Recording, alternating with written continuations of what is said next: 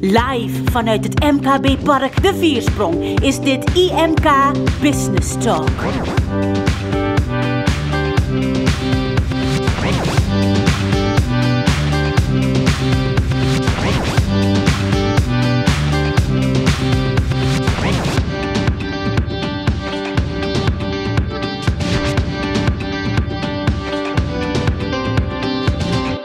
Natuurlijk wil je als ondernemer groeien. Met je bedrijf, met je omzet en als het ook even kan als persoon.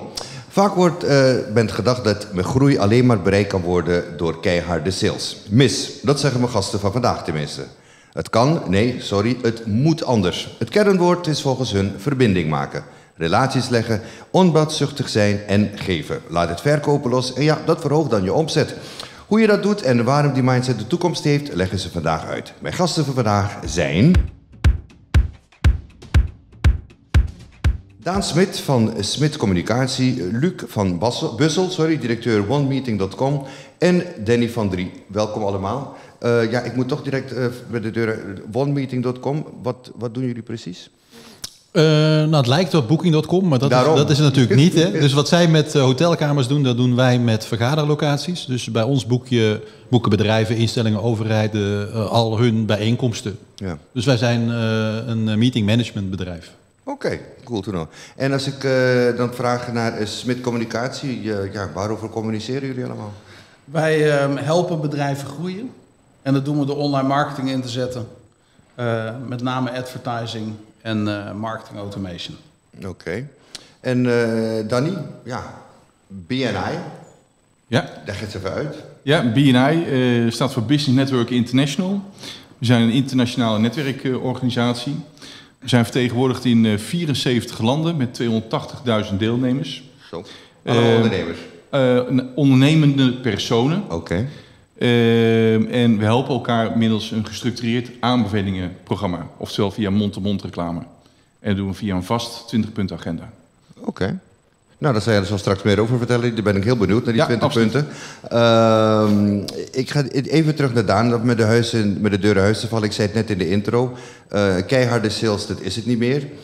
Jij gelooft daar ook niet in? Nee. Waarom niet? Ik was 18 jaar, toen kreeg ik mijn eerste salesjob. Toen zei ik tegen mijn vader, want die zat in de sales. Ik zeg, pa, heb je nog een tip voor me?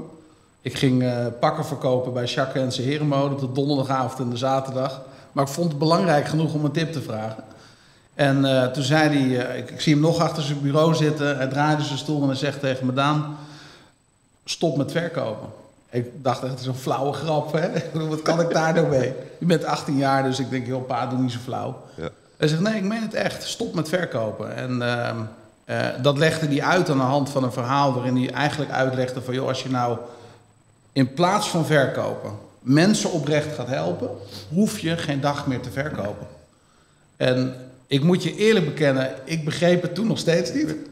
Ik heb het denk ik door de jaren heen ben ik gaan begrijpen wat hij bedoelt. Maar ik geloof dat als je oprecht interesse hebt in mensen en zij hebben een probleem en jij hebt een oplossing, ja, dan hoef je dat niet meer te verkopen. Nee, dan, dan, is dat gewoon dan logisch. de verkoop vanzelf. Ja. ja. Het vertrouwen is toch heel belangrijk ook, ja. Ja. Ja, dan zit je dan als tweedehands autoverkoper. ja. ja, dan, dan wordt het wat moeilijker misschien. Nou, ik geef vooroordelen, geen vooroordelen. Laten we, laten we dat niet doen. Uh, Danny, jij zit ook op de menselijke relatie. Ja, absoluut. Ja. ja. Leg eens even uit. Wat, wat is voor jou zo belangrijk? Uh, wij helpen elkaar. En uh, op een gegeven moment wordt dat een onderdeel van, van je leven. En dat klinkt heel filosofisch, maar wij helpen elkaar actief. Mm. wij weten als persoon, je hebt gauw een duizendtal contacten eigenlijk. En wat wij doen binnen BNI is dat netwerk daarachter aanboren. Ja. Dat de mensen elkaar helpen. Wat maakt het anders dan LinkedIn bijvoorbeeld? Want LinkedIn kan ik ook aanbevelingen doen. Ik kan ook mij connecten, meer connecties aan jouw connecties geven. Ja, ja. Um, als je elkaar fysiek ontmoet, je komt iemand tegen, een ondernemer of een persoon gedurende de week. En uh, ik vraag, nou hoe gaat het met je? Ze zegt, Dan, ik heb een probleem met dat en dat. Nou, ik ken iemand en zijn naam is. Hij kan je zeker helpen, want ik weet dat hij ook dat en dat heeft gedaan. Ja, ja. En zo promoot je elkaar. En dan zegt hij van, goed, laat hem maar bellen. Maar hoe zie ik het voor me? Komen jullie dan ook fysiek bij elkaar met al die 280.000 mensen? Nee, toch? Ja, ja om een beeldvorming te doen. Ja, bij ons. Ja, bij ons. Ja, ja, onder andere bij uh, vergaderlocaties. Mm uh, we doen meer dan 500.000 uh, fysieke meetingen per jaar. Wereldwijd. Wow. Ja. we komen iedere week bijeen. want waarom? juist als je elkaar iedere week ziet, bouw je een band op. Ja, ja is net de Rotary. nou ja, dat is dan iets anders. het gaat om het bouwen van een relatie. Ja. En, ja, ik zit een beetje advocaat van de duivel te spelen. Want ja, nee, dat, mag hoor. ik, ik, zeg altijd, ik, zeg altijd, de vraag, de volgende vraag van... Ehm, ehm, hoe lang duurde het ook qua relatie van, voordat je ging trouwen? Ja, bij mij heeft het vijf jaar geduurd voordat ik ging trouwen. Ja, en dat je, maar je hebt elkaar wel regelmatig gezien. Ja. Maar de... En dan bouw je een relatie op. Ja. En als je een relatie hebt met elkaar, dan ben je bereid om met elkaar de volgende stap te zetten. Om elkaar actief te helpen en te promoten. Ja. En ik zie hele mooie dingen daarmee gebeuren. Nee, dat, uh, dat geloof ik meteen. Um, Luc, je noemt jezelf uh, gastvrijheidsondernemer, uh, missionaris zelfs op dat vlak. leg het laatst even uit. Nou ja, in het kader van die sales, uh, als je kijkt naar de, naar de horeca- en meetingbranche waar wij actief in zijn, dan ben je natuurlijk als gasten in je huis zijn iets aan het verkopen. Hè? Want je moet naar een tafel of naar een bar of je moet naar iemand toe om uh, te vragen wat, uh, wat wil je drinken. Of het, hè? En ehm, vanuit die gedachte, hoe werkt dat eigenlijk in de gasvrijheid, heb, heb ik zelf een model ontwikkeld. Wat is gasvrijheid? Hoe werkt dat in zeven stappen? Wat is dat voor psychologisch proces? Wat is gasvrijheid? Nou, gasvrijheid, als je het uh, zeg maar tot één uh, uh, zin zou willen terugbrengen, is de kunst om jou in 32,3 seconden thuis te laten voelen op een onbekende plek. Oké. Dus jij komt bij mij in een van onze locaties, of je komt bij mij thuis op bezoek, je bent er nog nooit geweest, of je komt op het stadskantoor van een bepaalde gemeente. En hoe krijgt die organisatie het voor elkaar dat jij je in 32,3 seconden thuis voelt? Nou, als je dat aan het toeval wil overlaten, daar ben ik als ondernemer niet meer in gaan geloven. Mhm. Dat betekent dat je feitelijk tegen je team zegt, nou succes, wees vriendelijk. Ja, het maar. Wees vriendelijk. uh, uh, ja, lachen. Lach ze maar uit eigenlijk. Ja, precies, hè. Lacht iedereen, lacht de vreemdeling maar uit. En ik ben gaan geloven dat het eigenlijk het omgekeerde is van lachen. Want het is namelijk een hele serieuze zaak. Dat iemand zich ja, een beetje gespannen voelt. En eigenlijk dat gevoel helemaal niet wil hebben. Dat is niks menselijkers dan dat. Nou, dus daar heb ik een model voor ontwikkeld. En wat blijkt, salesorganisaties hebben behoefte aan dat model. Want zij doen, zij doen koude acquisities. Dus ik ben een missionaris geworden van dat gasvrijheidsmodel bij bedrijven die meer willen weten over wat is nou precies dat proces. Mm En dat is natuurlijk uh, additionele kennis, zou je kunnen zeggen die uh, bovenop de, de, de, echte vakkennis komt van sales. Hè? Ja. Het is geen vervanging, maar uh, dat psychologische proces ben ik niet in de gasvrijheid eerder tegengekomen. Dus ik denk wel dat het een beetje uniek is. Maar dan heb ik toch iets wat me dat triggert. Um, je, en, en, als u vragen heeft, heren, breng gerust in. Hè. Het is een, het is ja. een, we zijn in een viergesprek. Dus het is, uh, ja. Oh. ja, ja we, we, hebben, we, we, hebben iets nieuws bedacht bij IMK Business Talk. We hebben gedacht, we, gaan er een, we hebben nog wel video, maar we maken er een videopodcast van. Dus het ja. is een podcast. Of zoiets. En, uh, maar dan kunnen we gewoon lekker al met z'n praten. Want ik, ja, ik vond jullie ook heel inspirerend met je verhaal. Dus ik had ook afgesproken met de redactie. Laten we gewoon lekker babbelen met z'n ja, vieren. Want dat lijkt me toch geweten. Want ja, als, je, als, je, als, als ik dit dan hoor, binnen 32,2 seconden moet ik me thuis voelen. Ik heb een hele andere wens uh, om me thuis te voelen dan Danny waarschijnlijk. Nou ja, die 32,3 is natuurlijk een beetje... Uh, ja, begrijp. Ja, Dus laat ik die dan meteen wegnemen. Maar... Ik geef je 35. Dus Oké, okay, nou, dat, dat, moet lukken. Maar, maar de gedachtegang dat je tegen je eigen team ook zegt, het gaat niet vanzelf. Ja. Dus uh, net zoals marketing niet vanzelf gaat, je kunt niet zeggen, nou ja, we hebben geen merk, dus dat, we gaan gewoon iets verkopen. Dat werkt ook niet. Dus een menselijke verbinding maken, dat vraagt ook een, een model. En het is gebaseerd feitelijk op de gedachte, iedereen komt gespannen binnen in een nieuwe omgeving. Mm. Hoe neem je die spanning weg? Dus hoe, ben je, hoe bedrijf je de kunst van het ontspannen? Nou ja, als je dan uiteindelijk met iemand wil trouwen, is ja. dat de ultieme vorm van ontspanning, want dan is alle spanning weg, denk ik. Ja, tenminste, tenminste de, die, die spanning dan. Die, die spanning. Ja, ja, ja. ja, ja. Komt hopelijk andere spanningsboog voor terug. Maar, uh, nou, misschien, wel, misschien wel leuk om te vertellen over, uh, over de spanning wegnemen. Uh, binnen BNI, bij onze netwerkgroepen, werken wij ook standaard met bezoekershost. Dus bij ons begint de meeting al. We draaien altijd s ochtends van 7 tot half 9. Mm -hmm. Om 9 uur dan, dan begint onze werkdag verder. Um, en dan hebben we bezoekershost. Want wij weten als bezoekers komen en ze voelen zich op hun gemak, ja. dan gaan ze mee Mooi. in uh, het geven van aanbevelingen, business opportunities. Ja. Ja. maar je zit ook heel anders, je zit ook heel anders in de meeting direct als je, als je ergens komt. Ik weet het, je komt soms ergens in een bedrijf en dan heb je een belangrijke afspraak, maar dan ga je al naar binnen met zo'n gevoel van dit wordt niet. Weet je, de, manier waarop je bent ontvangen, de manier hoe. Er is gewoon geen klik vanaf, je voelt geen chemie. En dat is, ja, dat is waar je het over hebt. Maar, maar wat, ik dan, wat ik dan uitdagend vind, ik bedoel, als je 500.000 per jaar hebt over de hele wereld, neem ik aan, net, niet in Nederland alleen. Maar uh, hoe kiezen jullie je locatie uit? Want ik denk dat dat weer, als ik dan kijk uh, hoe Luc bezig is, ja, hij is echt locatiespecialist. Hoe doen jullie dat? Is het, gaat het gewoon op de Bonnefoy of zijn jullie daar ook bewust mee bezig? Ja, we hebben in uh, Nederland en Vlaanderen hebben we 200 netwerkgroepen draaien, chapters noemen we dat. Mm -hmm. we hebben het is wel... toch net Rotary, sorry hoor, dat zijn ook chapters. Ja, ja, ja, ja, ja juist. En ehm, we hebben wel bepaalde voorwaarden wat we graag zien bij een locatie en ook uit ervaring van wat mensen prettig vinden. De bereikbaarheid is, is belangrijk. Mm. We vinden prettig dat tot negen uur er vrij parkeren is. het zijn soms de kleine dingen waar we ondernemers over kunnen vallen. maar dat is wel belangrijk. maar ook de beleving die je hebt. Ja. Dat het bij ons omgaat van... Ehm, we komen niet voor het eten, want we hebben altijd een lunch of een ontbijt erbij. maar we komen om zaken te doen met elkaar. En dat staat altijd wel bovenop. Ja, dat je de, business vooraf hebt. dus het is niet even een old boys netwerk, want zo klinkt dit heel erg. Nee, nee. Het is gewoon een business netwerk. We komen zaken doen en daarvoor we komen zaken doen, maar wat zie je dan gedurende de tijd gebeuren? Omdat je elkaar iedere week ziet, eh, bouw je een band ook met elkaar op. Dus als iemand een keer niet lekker in zijn vel zit, en dan aan het einde van de meeting, is er ook verdere ruimte voor om dat met elkaar te bespreken. En dan krijg je ook die arm om je heen. En dan wordt er ook gezegd van, Daan, we gaan je helpen. Komt goed, eh, bij wijze van. Ja. Nou Daan, uh, het komt goed. Je hebt het net gehoord. Je hoeft je geen zorgen te maken. Nee, maar... um, ja, at the end of the day, als het om sales gaat, dan gaat het om een relatie. Dat hebben we nu established. Je moet ja. een goede relatie hebben. Ja. Uh, ik kan me voorstellen, wat jij wat Danny net zegt, van het is, het is handig als je, dat, als je dat met elkaar opbouwt, langzaam zeker. Maar ja, je hebt ook situaties waarbij je geen tijd hebt om die relatie op te bouwen. Dat je direct naar die menselijkheid moet gaan. Daar heb je ook een methodiek voor. Ja, 100%. Kijk, ik denk dat relaties, de snelheid van relaties is, denk ik, waar we het over hebben, langzaam. En relaties gaan heel langzaam. En net als dat we net hebben geconstateerd, je trouwt niet na een dag. Het kan in Las Vegas. Maar dat is niet de normale gang van zaken. Je hebt zelfs programma's die ze erover maken. Ja, daarom. hè? Dus, uh, maar daar kijken we naar omdat het niet de norm is. Ja. En uh, als je heel weinig tijd hebt, maar wel moet verkopen... Uh, misschien dan toch nog even terug naar mijn eerste job bij een, een herenmodezaak.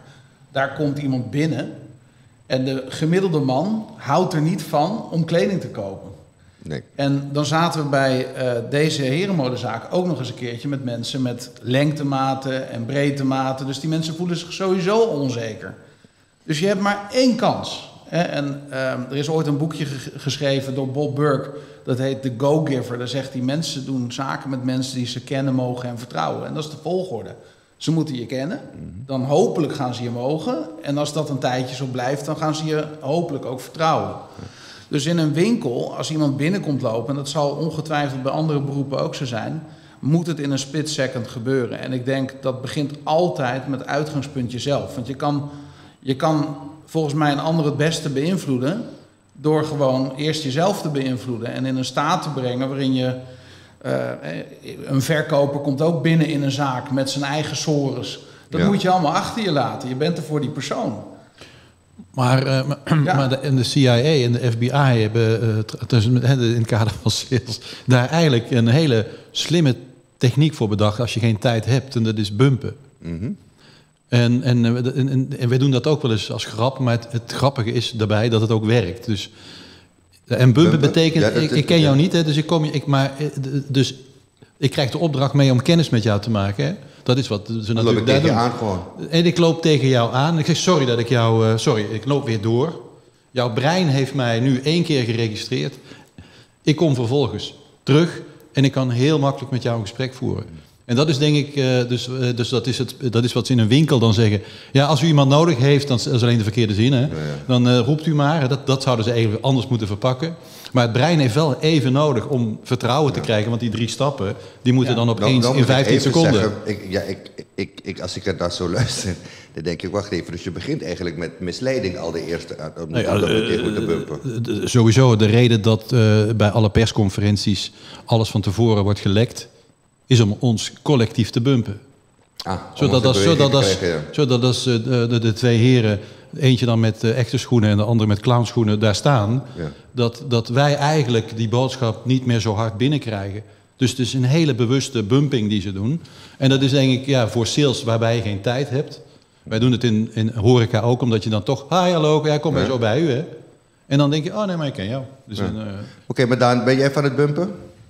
Ja, um, nou Jurgen, je zegt net van, joh, begin je dan met misleidingen? Maar misschien mag ik daar toch even op reageren, want misleiding is in mijn ogen onder valse voorwenselen. Hè? Dan heb je eigenlijk een ander doel. En... Nou, Corsia en FBA, die hebben nooit een goed doel. Maar dat, we, hebben het systeem, we hebben het systeem gejat. Dat, dat is inderdaad twijfelachtig. Oh, ik dacht dat je de persconferentie Nou ja, weet je, autoverko- je had het net over tweedehands autoverkopers. Die staan zeg maar, uh, volgens mij is de, in het vertrouwensfactor is een politicus het laagste. Ja. En daarna de tweedehands autoverkoper. Dus nou, die, de, belasting, sowieso... de belastingambtenaar doet het ook vrij goed in ja, de lagere regionen tegenwoordig. Ook, ja. Maar misschien terug naar mm. zeg maar, die, die misleiding. Kijk, als jij, nogmaals, als jouw klant binnenkomt en die heeft een probleem en jij hebt een oplossing, vind ik zelfs dat je verplicht bent om die oplossing te bieden. Dus in die zin is verkoop een heel nobel vak.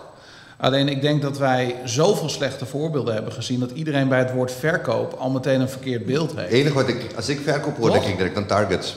Ja, ja, en dus ben jij een target van ja, mij. Voor jou, ja, want jij moet de targets halen. Ja, ja, ja. ja. Maar, maar, die, de, kijk, de emo, het is natuurlijk emotie en uh, uh, leren lachen. Ja. En, en dat met je tanden te laten zien helpt ook als iemand natuurlijk uh, zeg maar in de ontspanning moet komen. En hoe vaak heb je niet dat je ergens binnenkomt en dat er, ja, weet je, lachen is echt heel ver zoek. Ja. Maar geluid, uh, lachen en andere activiteiten kun je wel het floor manager van een live uitzending, wat de floor manager doet een half uur voordat de uitzending live wordt uitgezonden, is die zaak klaarmaken, emotioneel gezien. Uh, want anders komt er niks over op, de, op de tv. Precies, een warming-upper. Uh, ja, en dat, is, uh, dat is ook sales. Het is ook sales, ja. Danny, um, we hadden het net al erover. BNI, dat klinkt als een Old Boys Network, dat is het niet. Je zei, we hebben ook een, een, een stappenplan om te komen tot, tot die verbinding. Ja. kan je daar even over uitweiden? Ja, ik vind het wel mooi om te horen allerlei woorden die ik hoor van verkopen, hè, zulke soort dingen. Ehm, ja, wat is verkopen eigenlijk? Hè? Uh, op het moment uh, dat iemand zegt van, uh, stel je hebt een probleem thuis, de rolluiken gaan niet meer naar beneden. en iemand anders zegt van, nou, ik heb iemand, die kan dat voor jou fixen. Dan wordt die al gepromoot. Dus dan kom je al binnen. Of als je iets zoekt, als een andere jou promoot, is mijn beleving, en ik, ik, ik hoor graag hoe jullie erover denken, mm -hmm dan hoef je niet meer te verkopen. beter bestaat niet. Beter nee, bestaat niet. Want die andere heeft gezegd, je moet hem hebben. Of, of je moet aan. Ja. Want die gaat het oplossen voor je. Ja, een soort van ambassadeursfunctie, zeg maar. Van de, de mensen die, ja, de fans, de fanclub die jou aan. Die en uh, uh, de prijs in de beleving, als die gunstig is, dan wordt de deal gesloten. En dat is een heel ander moment. Op het moment dat mensen zelf gaan zoeken, dan gaan ze zes offertes opvragen. Zijn we het allemaal over eens, denk ik? Wie kies je dan? De goedkoopste. De goedkoopste. Maar dat is niet altijd de beste. Nee, nou, jullie, je, je slogan van BNA is natuurlijk geven loont. Ja. En dus dat is eigenlijk, hè, als je, um, uh, je hoeft niet te verkopen als je gewoon gaat helpen en als je gaat geven, want dan komt het vanzelf ook terug. En dat klinkt natuurlijk weer lekker klef, maar het is echt waar. Uh, je hoeft niet te verkopen als je anderen promoot, als je gewoon mensen helpt. Dan komt eigenlijk, hè, uh, misschien even helemaal terug naar het begin van deze podcast. Uh, Jurgen, jij zegt net van ja, maar uh, dat harde verkopen, daar geloven jullie niet in. Maar ik denk dat het probleem met harde verkoop is dat het een doel op zich is. Mm -hmm. En volgens mij moet iets wat je verkoopt het gevolg zijn van iets anders. En ik denk dat dat ook is wat Danny bedoelt met BNI. tuurlijk is het, uh, de BNI-structuur is wel heel erg um, ja. goed georganiseerd. Ja. Maar dat is eigenlijk heel fijn, want daardoor gebeurt er tenminste ook wat.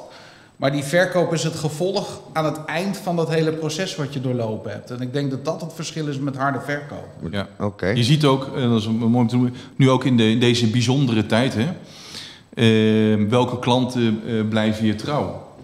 En als je dan voor jezelf een vergelijking maakt van klanten die uh, op een koude manier zijn binnengekomen op de prijs hoe lang blijven die?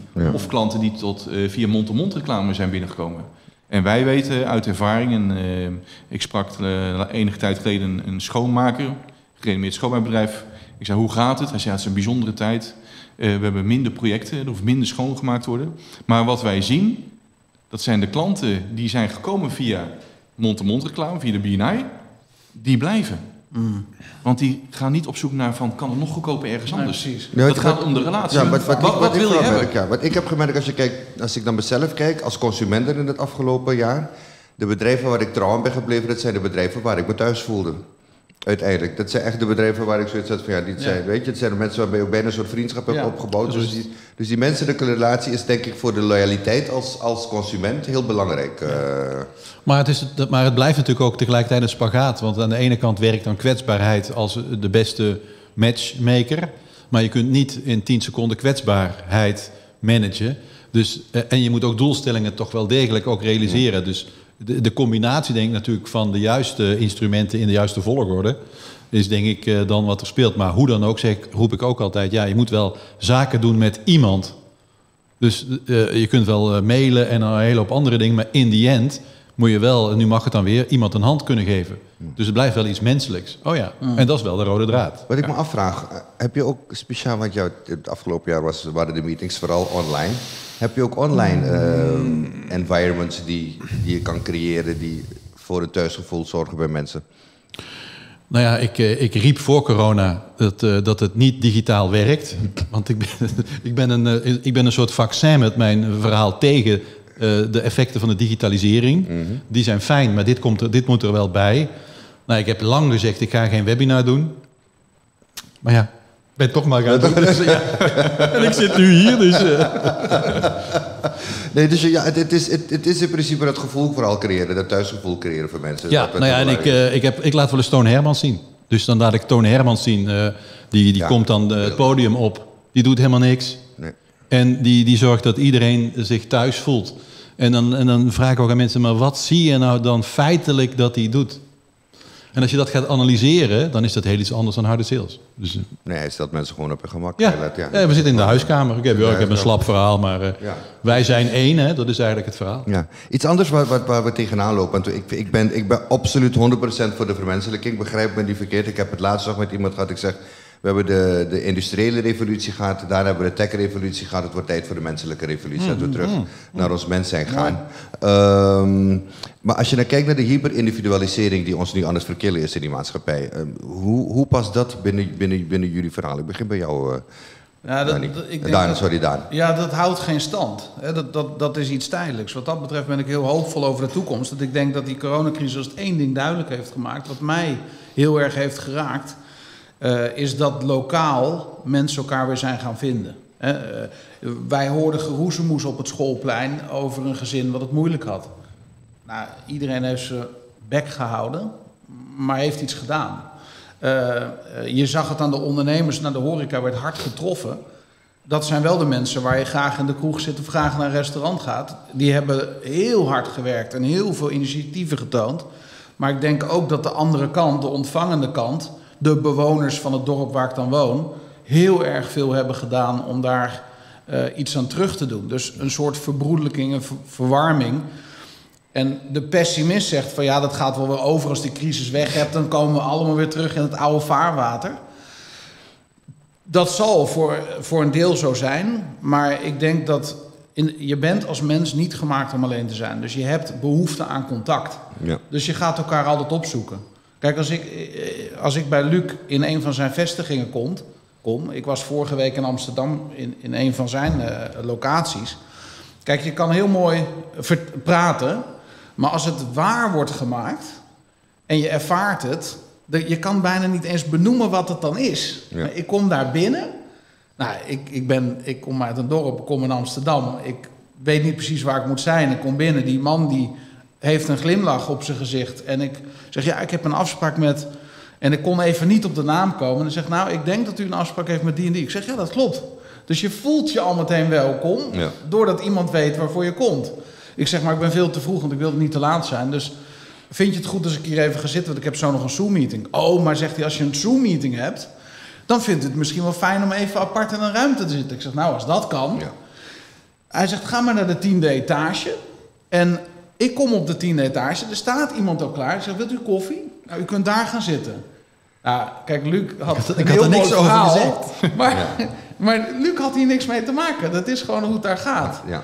Dus ik denk dat die zeg maar, verbroedelijking, of hoe je het wil noemen, dat dat het, zullen, het zullen tijden zijn. Ja. Nou, waarom ik het vraag, en misschien kan Danny wel dat, dat misschien uh, herkennen binnen BNI. Je ziet het met die Generation Z, waarmee we nu te maken hebben, de Gen Z, de jongeren.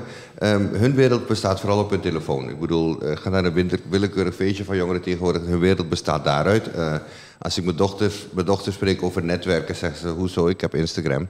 Uh, dat is mijn netwerk en uh, ik heb mijn netwerk via WhatsApp groepen en noem maar op. Mm. Hoe, hoe krijg je die generatie wel zover? Want ja, dat is, dat is echt waar de individualisering een soort van bijna niet te keren feit is. Ja, dat, dat uh, klopt. Dat hebben, als wij terugkijken naar het afgelopen jaar, we zijn op heel kort termijn met 10.000 groepen zijn we online gegaan. Uh, nu zijn de meeste groepen weer uh, fysiek.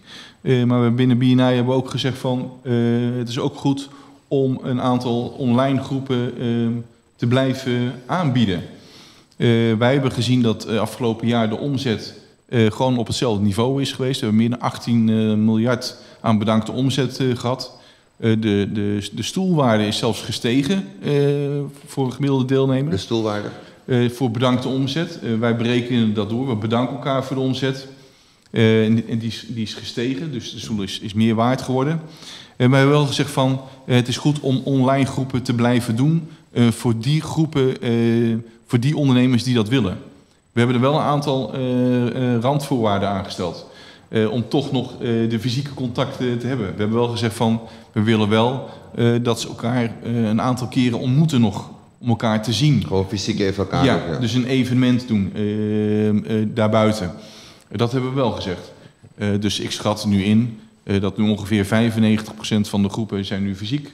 En er zal misschien 5% online, online blijven. Maar het is wel iets wat een ontwikkeling is, zeker bij de jeugd. Ehm, zie je dat meer? Ja, dat klopt. Mm. Ehm, maar wat ik ook zie, dat is het grappige. Om mensen één keer komen, en zien die relaties dat die gebouwd worden. Begrijpen ze ook de meerwaarde? Begrijpen ze ook de meerwaarde. Precies. Ja, um, Luc? Gewoon ervaren. Hoe, hoe zit het in, in jouw branche? Want ja, ik neem aan dat je, als je kijkt, als je, als je drie generaties hebt binnen een bedrijf die je moet faciliteren voor zo'n meeting, uh, waar, waar naar kijk je?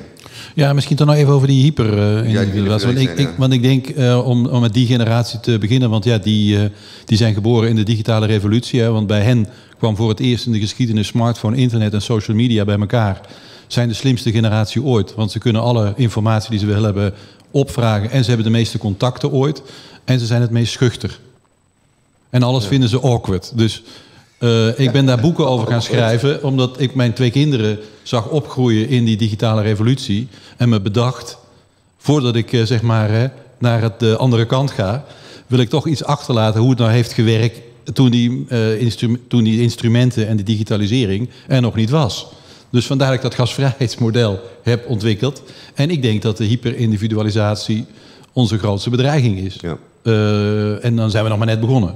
Dus, en ik dacht, daar moet je wat tegenover zetten. Het is wel zo, uh, in de drie generaties die je beschreef, of die je aangeeft, is het ook wel een hele bijzondere generatie. Want ze zijn enorm autonoom. Ze zijn enorm, eh, noem het maar, ik zal niet zeggen dat Deel Kleine nu een goed voorbeeld is. Maar ja, ze, ze, kunnen ook wel redelijk wat bereiken of wat realiseren. Zei je Deel Kleine? Nee, nee, nee, zei ik niet. Oh, oké, goed. Uh, nee. uh, maar het enige ja, wat ik ze wel hoor roepen is snel rijk worden. Dus dat moet ik ze nog even uit, uh, uit de geest praten. Ja, dat, ik weet niet hoe dat werkt. Nee, nee maar nou ja, als, ik dan het, als ik dan moet geloven in de filosofie van, van Daan... dan is het juist van snel rijk worden kan je vooral doen door het los te laten. Maar dan ga je sales omhoog. Ja, ja vooral die met het geld bezig Oh, dat, dat neem ik mee naar huis. nou ja, mijn favoriete quote um, is van um, uh, Zig Ziglar. Ik, ik, weet niet of iemand of jullie hem kennen, maar hij, hij, was een van de grootste motivational speakers uh, aller tijden. Heeft denk ik vier decennia lang grote, grote stadions gevuld en uh, is de meest geciteerde persoon na Jezus volgens mij. Oh wow. Um, en hij zei: um, You can have everything in life you want, as long as you will help enough other people get what they want.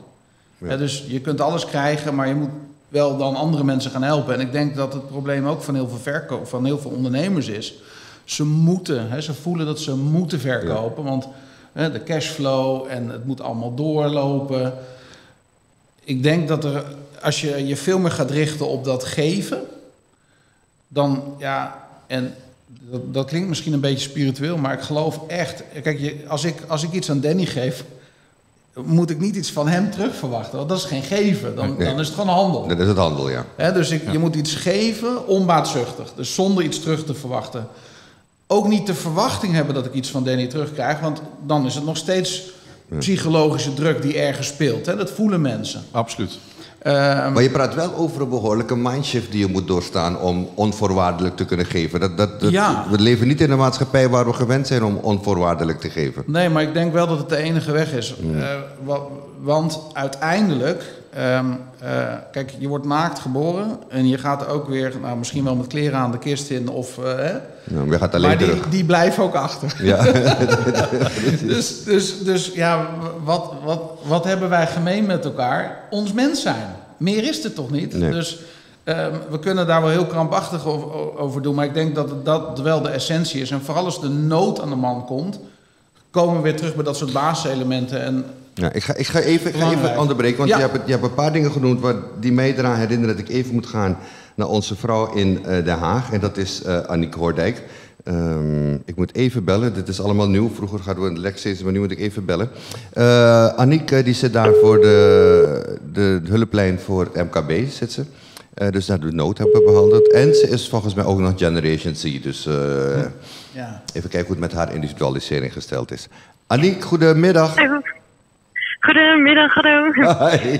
Nou, we hadden het net over je. Uh, we hadden het over, deze, over de generatie Z, daar behoor jij ook toe. Um, ja, klopt. En, en, ik zei, ja, de individualisering van die generatie valt me heel erg op. Um, jullie zijn heel erg met jullie telefoon in jullie wereld bezig en zo. Um, ja. ja. in hoeverre klopt mijn beeld? Of zie jij dat, zie jij dat anders uit die generatie komende zelf?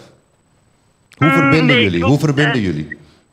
Nou, we hebben genoeg uh, social media kanalen, dus uh, daarin moet het wel goed gaan. Uh, maar ik denk inderdaad wel dat het echt contact is op die manier wel minder. je stuurt wel sneller een berichtje dan dat je even belt. Ja, maar, maar, maar, ik bedoel, jullie hebben nu ook, zeker jouw generatie, het afgelopen anderhalf jaar hebben jullie echt bijna niets mogen doen. Jullie zaten ook in lockdown, alle feestjes gingen niet door en zo. Um, merk je dan een soort berusting in jouw generatie of uh, wordt de honger alleen maar groter? Uh, hoe noemden ze dat weer? Uh, huid, huidhonger, ja, om, anderen, om anderen weer tot goed en aan te raken. Oh, ja, nee, volgens mij heeft iedereen heel veel zin in weer feestjes en dat soort dingen. dus volgens mij is het alleen maar groter geworden. Oké, okay. nou we hebben het ook over verbinding. Merk je ondernemers die bellen dat, dat, ze, dat ze de verbinding zoeken, bijvoorbeeld met het IMK? Ja, wat we heel erg uh, merken, en helemaal tijdens de corona, uh, is dat mensen echt op zoek zijn uh, naar gewoon even een praatje. en dat ze eigenlijk iemand willen hebben die, ze, ja, die ze persoonlijk wil kennen eigenlijk, waar ze geen nummertje zijn. Um, en ja, het eigenlijk dat heel erg. Dus dat er gewoon geduldig wordt geluisterd, even een praatje wordt gemaakt. En dat ze ook eventueel een probleem op tafel kunnen leggen. Dus we merkten juist eigenlijk dat dat tijdens corona heel erg werd. Ja, en dan zijn er, uh, zijn er nog andere dingen die je opgevallen zijn in de verhalen die je gehoord hebt de afgelopen twee weken van de beide mensen? Want ja, nu het weer wordt mooi en zo. Merk je dan een verandering in, uh, in de stemming? Uh, ja, zeker. Ehm, sinds vorige week was het natuurlijk heel erg mooi weer. En mensen waren veel positiever. In plaats dat ze belden voor de coronaproblemen, hadden we alleen maar mensen die belden omdat ze eigenlijk groeiden met een onderneming. Uh, ja, ze wilde eigenlijk toch meer richting uh, ja, het vieren en niet meer in die uh, soort rouw blijven zitten eigenlijk. Dus daar maakt echt een hele erge kanteling in. Oké. Okay. Nou, ik, ik, ik, word er minder gebeld nu, nu het mooier wordt ook? vorige week werd er echt minder gebeld. het loopt nu wel weer wat op. Het was natuurlijk gisteren ook een grijze dag, dus misschien ja, dat dat ermee te dat maken heeft. Is weer naar de telefoon, oké. Okay. nou, Nicky doet fantastisch werk daar. Heel veel succes verder en ik spreek over twee weken weer. Super, is ja, goed tot dan. Ja, nou, het, het, het, is al, het is, het is uh, hebben het over gehad. Het klinkt natuurlijk allemaal goed. Maar ondernemers die gedupeerd zijn door de coronacrisis... die, die, die hebben eerder behoefte aan omzet, denk ik, dan een nieuwe vriend. Ik bedoel, uh, ja, ze, hebben behoefte aan een gesprek. Dat is waar. Maar als het when push comes to shove... Ja. heb je toch eerder behoefte aan omzet, denk ik, dan aan een nieuwe vriend. Ja. Of niet dan? Nou, je natuurlijke neiging als mens, als er crisis is, is natuurlijk om in jezelf te keren. Ja, want ja, je wil, je wil even een nieuwe balans opmaken. En zelfs, uh, ik ben geen dokter, maar ik heb zelfs geleerd dat het op celniveau zo werkt. Hè? Dat je cellen zelfs op, gewoon dicht gaan. Terwijl die cellen moeten open en jij moet ook open, want daar zit het leven. En ik wil een heel concreet voorbeeld geven van hoe dit werkt, tenminste hoe ik het zie. Ik had twee restaurants waar ik regelmatig uh, kwam. Die gingen allebei door diezelfde crisis heen. die hadden allebei opeens een dichte deur. De een, um, daar kwam je en dan ging je afhalen. En dan lieten ze gewoon merken, ja, het is wel pittig, maar hey, fantastisch om je te zien. En weer er nog een wijntje bij en dit en dat. En meestal had ik mijn drie dochters bij me en dan kregen die nog, nog iets. Dus, maar ze toonden hun dankbaarheid. En dus ah, ja, kreeg je nog meer uh, uh, zoiets van, ik moet daar gewoon vaak blijven komen. Want ze laten merken dat ze het nodig hebben, zonder te klagen. De andere club, daar, daar, probeerde ik ook wel eens een praatje te maken. En dan, dan als je wat kon afhalen, en dan zei je van, hé, maar uh, gaat het een beetje? Ja, het gaat allemaal prima. En die hielden zeg maar hun stand op. Waardoor je afstand krijgt van elkaar, want we weten allemaal dat het niet waar is. Ja. Dus je wordt geraakt. Dus ja, wat, wie, wie, hou je nou voor de gek? En dan merkte ik bij mezelf dat ik toch zoiets had van... ja, weet je, als je het niet nodig hebt... Hoef ik ook niet dan ga ik liever naar die ander die het nodig heeft. Dus het, het, ik, hier, er zit iets... Ja, uh, daar zit iets, denk ik. Dani, hoe, hoe, hoe, hoe, zijn jullie? Want ja, je praat over heel veel mensen. Dus er zullen heel wat ondernemers binnen BNI zijn geweest die het echt zwaar hebben gehad. Uh, sommigen hebben het misschien niet eens gehaald uh, om door die crisis te komen. Um, wat, wat, hebben jullie kunnen betekenen? Wat heeft, het, wat heeft het netwerk kunnen betekenen voor de mensen die in deze crisis zijn? Wat ik uh, afgelopen jaar heb gezien, en daar ben ik wel heel trots op, hoe mensen elkaar gingen helpen. En ik kan verschillende situaties benoemen. Ehm, in een van mijn groepen, ehm, een ondernemer die heel veel last had van de coronatijd. En die ging voor korte tijd iets anders doen om toch aan extra omzet eh, te komen. En een van de andere leden die stond op en die zei van ik ga die dienst bij jou afnemen. Wanneer weet ik nog niet, maar stuur me nu maar alvast de rekening toe. Wauw. Wauw. Nou, en dat zijn wel de momenten van, ook nu krijg je daar weer ja, kippenvel van. Ja, uiteraard. doet wat. Wat ik ook heb gezien, en dat is de, de, de creativiteit van de ondernemer. En uh, daar ga ik in mee van, uh, uh, wees realistisch. Maar wat wel belangrijk is, bleef positief. Uh, en daarnaast kan je natuurlijk ook wel de huidige situatie hier vertellen. Uh, en er was een, een cateraar. Nou ja, de hele catering lag stil. En, en wat deed zij op dat moment? toen ging ze kookworkshops geven voor kinderen. Voor de buitenschoolse opvang. Dus wat deed ze dan? Had ze zeven, acht kinderen. Ehm, de ouders, ja, die, die zaten met de kinderen, want ja, waar laat je die? Achter het En die kwamen thuis met een viergangen diner. Ja, dat is... Dat, Hoe creatief kan je zijn? Maar, uh, en dat is wel een, een dame, en, en ja, dat, dat, vind ik dan zo mooi om te zien hoe ze dat oppakt. En dat de andere, andere uh, leden, hè, de aanbevelingenpartners, ja. haar dan hielpen om te kijken voor die kinderen dat die daar ook heen konden gaan. Maar je ziet er al tweedeling in qua ondernemers. Er zijn ook ondernemers die gaan achterover zitten en die zijn het slachtoffer van de situatie. Ja. Uh, die stoten iedereen af, die, die hoeven geen hulp. Ja. Uh, Daar ga je niet meer bij eten. Ja, en dat is, een, dat is een, inderdaad dat is een categorie die, die heeft het heel, heel zwaar uh, gehad. Maar juist in die tijd, en dat is omdenken, maar dat is toch, ook een beetje ons, is toch ook een beetje onze Nederlandse mores. Ik bedoel, we zijn Calvinisten. Ik bedoel, je klaagt niet, je draagt. En ehm, we, we houden de buitenwereld het liefst buiten onze zaken. Is het niet moeilijk om dan een verbinding te maken? Als het, is het niet tegendraads tegen onze aard in om die verbinding te maken, Luc? Ja, ik ben een Vlaming. Dus... Ja, maar jou heb ik helemaal niet. Met een Nederlands paspoort. Okay. dus, eh, een beetje vergelijkbaar. Eh, ja, dus, um, Maar je weet wel wat ik bedoel natuurlijk. Het, er zullen het, eh, we zijn vrij traditioneel in ons denken in Nederland nog. En zeker ook op uh, ondernemersniveau. Nou, nou, misschien is het, uh, het voordeel wel om uh, pas op je twintigste terug te komen naar Nederland... met je Nederlands paspoort, terwijl je in Vlaanderen geboren bent en getogen bent. Is dat je, je, je hebt een blik op dat Nederlandse veld. Mm -hmm. Anders dan dat je daar natuurlijk sociaal zeg maar altijd was. En ja, alles is wel een euro in Nederland. Ja. Alles is wel een euro. Dus, um, en, dat, en dat is niet slecht, want daardoor krijg je natuurlijk op onze 33.000 vierkante kilometer land het meest uh, productieve land ter wereld. Als je dat terugrekent naar een vierkante kilometer. Oh ja, ik weet There's het. nobody else. Ja. Helaas hebben we ook de slechtste lucht en dan, dan, dan een paar andere Om dingen. de hele wereld tevreden geven met die 33.000 Dus wat wij doen op die vierkante kilometer, dat is ongekend. Ja. Um, maar het, het, is wel euro gedreven, om het maar even zo te zeggen. En als vervolgens dan de crisis toeslaat, bij ons heeft die heel hard toegeslagen. Nou ja, het enige, laat ik zo zeggen, het, positieve wat wij daar, het meest positieve wat wij eruit gehaald hebben, is dat onze medewerkers ons gered hebben. Mm -hmm. um, en het bijzondere in Nederland is dan dat die medewerkers zelf bereid waren een financiële bijdrage te leveren aan de redding van ons bedrijf. Ja, want jullie stonden echt met lege handen gewoon. Uh... Nou, de, de, ja. Dus laten we het er maar niet over hebben, want dan, uh, dan hou ik het niet droog. Dus wij, wij hebben... Dat wij is zijn, het emotionele van de Vlaming. We, we, we, zijn zwaar geraakt, maar in dat hele reddingsplan... waar iedereen moest meehelpen om te overleven... hebben medewerkers zelf besloten ook om een bijdrage te leveren. En dan word je door Nederlandse instellingen... ik zal geen namen noemen, want dan word ik alsnog gedupeerd... Ja. tegengewerkt. Nou, dat mooie was bij ons dat, uh, dat een delegatie van onze medewerkers zeiden... ja, mogen we los? En, en wat ze daarmee bedoelden was, we, we pakken ze aan. Ja. Dus zij hebben die uh, instelling, om maar even geen namen te noemen, laten weten dat wat ze ook deden, ze gingen die bijdrage toch leveren. Ja. Nou ja, en dan, en dan zie je denk ik wel iets heel moois in Nederland. Want als het om geven gaat, denk ik, staan we ook bovenaan. Ja, maar dat is waar. We hebben, we hebben natuurlijk ook uh, de, koopman- en dominee mentaliteit. Hebben, maar wat ik zeker weet, de vrijwilligersmentaliteit in Nederland staat boven alles. Zeker, uh, ja. zeker. Ik, uh, ik ben, zit in het bestuur van het Oranje Fonds. En als je dan ziet hoeveel vrijwilligers ja. hier in Nederland aan de slag gaan. Dat is echt ja. ongelooflijk. Um, maar ja, dat, dat, dat is dan als je, als, je, als, je de, als je de verbinding zoekt, zou je zeggen, zou dat heel makkelijk moeten zijn. Terwijl het dan toch weer aan de andere kant zoiets heeft. Als je met ondernemers praat, dan kom je weer die ondernemers tegen waar jij het over had.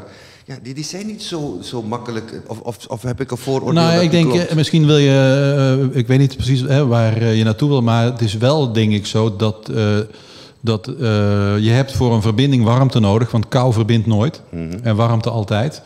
En misschien is de Nederlander wel een beetje een koele kikker. Hè? En in het zuiden van Europa is dat wat minder. Daar verbinden ze van nature. Dus het vraagt hier wel wie gaat nou de warmte maken. Ja. Want we zijn wel cool. We zijn wel cool. En uh, de Duitser zou zeggen ja, ook nog direct en lomp en wat andere dingen. Maar we zijn vooral cool. Dus we, wij moeten denk ik wel goed nadenken. Daar gaat mijn verhaal er zelf ook over. Hoe maak je het nou warm? En dat komt in Nederland niet vanzelf. Nee. Maar ja, je hebt, wel een, je hebt wel een kampvuur nodig. Want kou verbindt niet. Oké, okay. dus, uh, en jij bent de stoker op dat gebied. Zo is het. Goed zo. Ja, hoe, hoe, hoe werk je dat? Sorry. Sorry. Uh, kort, geen corona. Uh, altijd even disclaimer. hoe, hoe, uh, als, je, als je kijkt dan bij jullie in het netwerk, um, ja, merk je dan die Nederlandse coolheid of, of merk je nu een soort warmte wat er ontstaat door uh, dat netwerk? Nou, het, ons netwerk trekt al een bepaald soort mensen aan. Hmm. En die vinden juist uh, het elkaar helpen uh, belangrijk. Ja. Uh, dus wij maken daar al een natuurlijke selectie op, als het ware. Ja. Ja. Want als je niet bereid bent om een ander te helpen, dan past ons, ons idee, ons succes niet. Wat we al 36 jaar doen. we zijn ook de enigste organisatie die al 36 jaar groeit. Dus het is ook bewezen. Ehm, dus ja, wij zoeken alleen mensen die elkaar willen helpen. Ja. Precies, dat vind ik ook mooi. Hè? Nou heren, um, we gaan naar ons uh, laatste onderdeel nu inmiddels. En dat zijn uh, de kijkersvragen, oftewel de Q&A. Uh, ik heb een aantal vragen binnengekregen. ik heb er eentje hier van Theo. Theo zegt, het klinkt allemaal mooi, maar waar moet je, wat moet je doen als je net als ik niet zo extravert, extravert bent? Ik maak niet zo makkelijk praatjes met Janne Alleman. Hoe doe ik dat? Hoe, hoe past die binnen, jou, binnen jullie ja, netwerk? Uh, een hele goede vraag, een hele leuke vraag ook.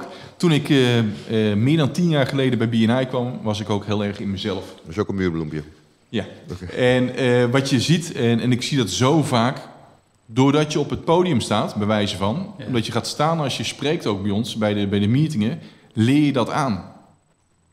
Ik heb uh, in een van mijn groepen, uh, kwam op een gegeven moment een, een accountant, een wat oudere man, uh, over de 50.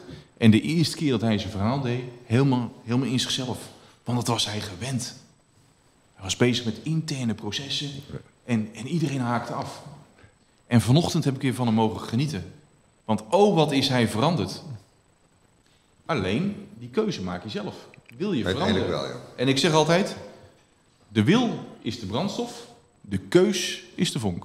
Oké. Okay. Hoe, hoe, hoe, zit dat, uh, als ik het aan jou vraag, mm -hmm. uh, Luc? Ik bedoel, als je kijkt van ja, je moet, je moet ook verbinding maken met mensen thuis laten voelen. Maar je hebt ook mensen die van nature niet dat Vlaamse of Surinaamse hebben dat ze zo gastvrij zijn van huis uit. Kan je dat leren? Uh, ja, ik ben gaan geloven. Ik dacht lang dat dat niet zo was. Mm -hmm. Maar ik heb eigenlijk dat opgegeven, want er moet hoop blijven. Dus ja, het valt te leren. Daarom heb je er ook een model voor nodig. Want als je een model hebt, formule, dan kun je het kopiëren. Als het zoiets is van ja, kijk maar, dan kun je het ook niet kopiëren. McDonald's is groot geworden met een formule. Het gaat helemaal niet om de hamburger. Nee, bij hun ging het om uh, real estate. Het is gewoon een uh, vastgoedbedrijf. Ja. Nou ja, bijvoorbeeld. Ja, nou ja, bijvoorbeeld. Maar, maar uh, dus ja, je kunt het leren. Maar stel, ik ben altijd blij zeg, dat ik een introverte mensen kan aannemen. Waarom? Die zenden niet. En, dat, en zenden schrikt af. Dus wat je namelijk doet, het kunstje wat wij mensen leren in servicegroepen, uh, is uh, je komt het snelst van je verlegenheid af als je vragen stelt. Dus als je vragen stelt, hoef je niks over jezelf te vertellen. We leren ze vragen stellen. En wat doet dat bij de ander? Dat wekt interesse. En interesse is het begin van vertrouwen. Dus op een gegeven moment uh, komt dat wel los. Maar vragen stellen is uh, ja, dat trucje, zou ik maar zeggen, waarbij je niet over jezelf hoeft te praten. Veel vragen en doorvragen. Ja, maar is het echt? Ja. ja. En dan vertel je helemaal niks over Denk jezelf. ook een hele mooie verkoopmethode daar. Ja. Nou ja, uh, dat is natuurlijk het probleem van de meeste mensen die iets willen verkopen, dat ze te veel vertellen. Ja, precies. en maar zenden. Ja, en, maar zenden. en dan weet je nog niet wat die klant wil. Precies. Dus hoe kan je het dan oplossen? Dus ja, luister, het begint bij luisteren. Het begint ja, actief luisteren. luisteren. Ja. Ja, ja. actief luisteren. Ik krijg een vraag hier ook van Anja, krijg ik binnen. Anja zegt, ik werd een keer aanbevolen door iemand, maar die klus is door omstandigheden helemaal misgegaan. Ik kan het allemaal uitleggen, maar die klant was niet blij. Hoe, hoe kan ik mijn naam zuiveren? En ook degene die me aanbevolen heeft natuurlijk. Ja, dat is een hele goede. Um, op het moment dat iemand je aanbeveelt en, en de klus gaat niet goed... Um, ja, daarmee zet je wel een relatie onder druk, hè, als ja. het ware. Want, Absoluut. Uh, jij, hij of zij. Maar hebben jullie, daar, hebben jullie daar oplossingsmodellen voor binnen de, binnen de club, hoe je dat zo nou, regelen? Eigenlijk is dat een, een, een, een, een zelfreinigend systeem, zeg maar. Iedereen doet 200% zijn best, omdat je realiseert dat mond-to-mond reclame is. Ja. Uh, en wanneer kan je iemand aanbevelen? Het begint bij iets kleins wat je hoort, wat iemand heeft gedaan. En het duurt enige tijd voordat je pas echt die grote aanbevelingen kan geven. De grote klussen. Natuurlijk hebben we ook een lidmaatschapscommissie die daar eventueel een, uh, een, een oplossend vermogen in heeft, laten we het zo uh, ja. formuleren. Uh, om te kijken of ze daar een oplossing voor kunnen, kunnen vinden. maar als je realiseert dat mond-to-mond reclame jouw tool is, ja, dan doe je niet 100% je best. Ja. Je doet 200% je best. Ja, maar ook als verkoper kan je dit probleem hebben natuurlijk. Want je kan een relatie opbouwen met iemand, ja. dat gaat goed. Maar ja, jij verkoopt per ongeluk dat maandagmodel. Ja. Ben, jij toch de, ben jij toch de Sjaak op een gegeven moment? Want wij gaat jou daarvoor verantwoordelijk houden. Nou ja, kijk, het, het, zal iedereen wel eens een keer gebeuren. Hè? Dat, dat, dat je wordt aanbevolen en een klus doet en het loopt anders dan gepland. Of, ja, mijn ervaring persoonlijk is dat je het open moet gooien. Dus je, je moet in alle omstandigheden proberen er met alle partijen uit te komen. Allereerst met die klant die niet tevreden is. En, uh, ook al word je het niet met elkaar eens, je wil echt per se met elkaar aan tafel om te kijken of je in ieder geval kan zorgen als je elkaar tegenkomt dat je elkaar recht in de ogen kan kijken. En twee, ik vind ook dat je het moet opengooien naar degene die je heeft aanbevolen. Want het laatste wat je wil is dat er een gerucht ontstaat. Het feit dat je niet open bent, dat geeft het vermoeden dat je iets te verbergen hebt. Hè? Dat, je, ja. dat je schuld bekent eigenlijk. Uh, dus ja, in zo'n geval zou ik altijd uh, contact zoeken en zeggen: hé, hey, luister, ik wil ook dat je die andere kant van het verhaal hoort. Maar ik wil dat je ook mijn kant van het verhaal hoort. En ik denk dat je daarmee al heel veel vertrouwen kan winnen. Ja, klopt. Ja, wees open, los het, uh, los het met elkaar op. Ja. Uh, bij ons is natuurlijk, we komen wekelijks bijeen. Dus die ondernemers zien elkaar wekelijks. En dan is het belang nog groter uh, dat het opgelost wordt. Precies. Want anders ben je een aanbevelingenpartner kwijt. En dat wil je niet. Ja, jij kan er ook tegenaan lopen, Luc. Want je zal maar een, een, een plek, een vergaderplek of een meetingplace je gearrangeerd hebben waar het helemaal rukker aan toe gaat. Nou ja, zo is dat. En ik denk, er is maar één methode als het misgaat. Dat is om het inderdaad helemaal langs alle kanten bespreekbaar te maken. En je kwetsbaar op te stellen. En niet te gaan zeggen natuurlijk, ja, sorry hoor, maar dan, ik wil toch even de details. Weet je, je kunt ook natuurlijk een klacht de rest weer gebruiken. Gooien, ja, ja, precies. Ja, dus je kunt ook een klacht gebruiken om er natuurlijk iets mee te doen. Hè? Ja. Daarom zijn interrupties in de Tweede Kamer het meest geliefd bij de sprekers, want dan gaat hun tijd op stop. Dus dan kunnen zij eindeloos lullen. Dus, maar uh, ik, ik, geef in mijn lezingen het voorbeeld van als je naar uh, een hotel gaat en je komt binnen en je voelt je niet helemaal thuis. En, je, en dan begin je vanzelf op de gebreken te letten. Dit is niet goed, verf je dit, bla bla bla bla. En je bent in staat om een hele lijst te maken. Als je gezellig bij mij thuis komt eten en je voelt je thuis, ga je dan op spullen letten? Ja, sowieso, maar dat is mijn aard. Dus je let... Ja, ja maar, maar, maar, ik zal, maar, ik weet waarom dat je erop let.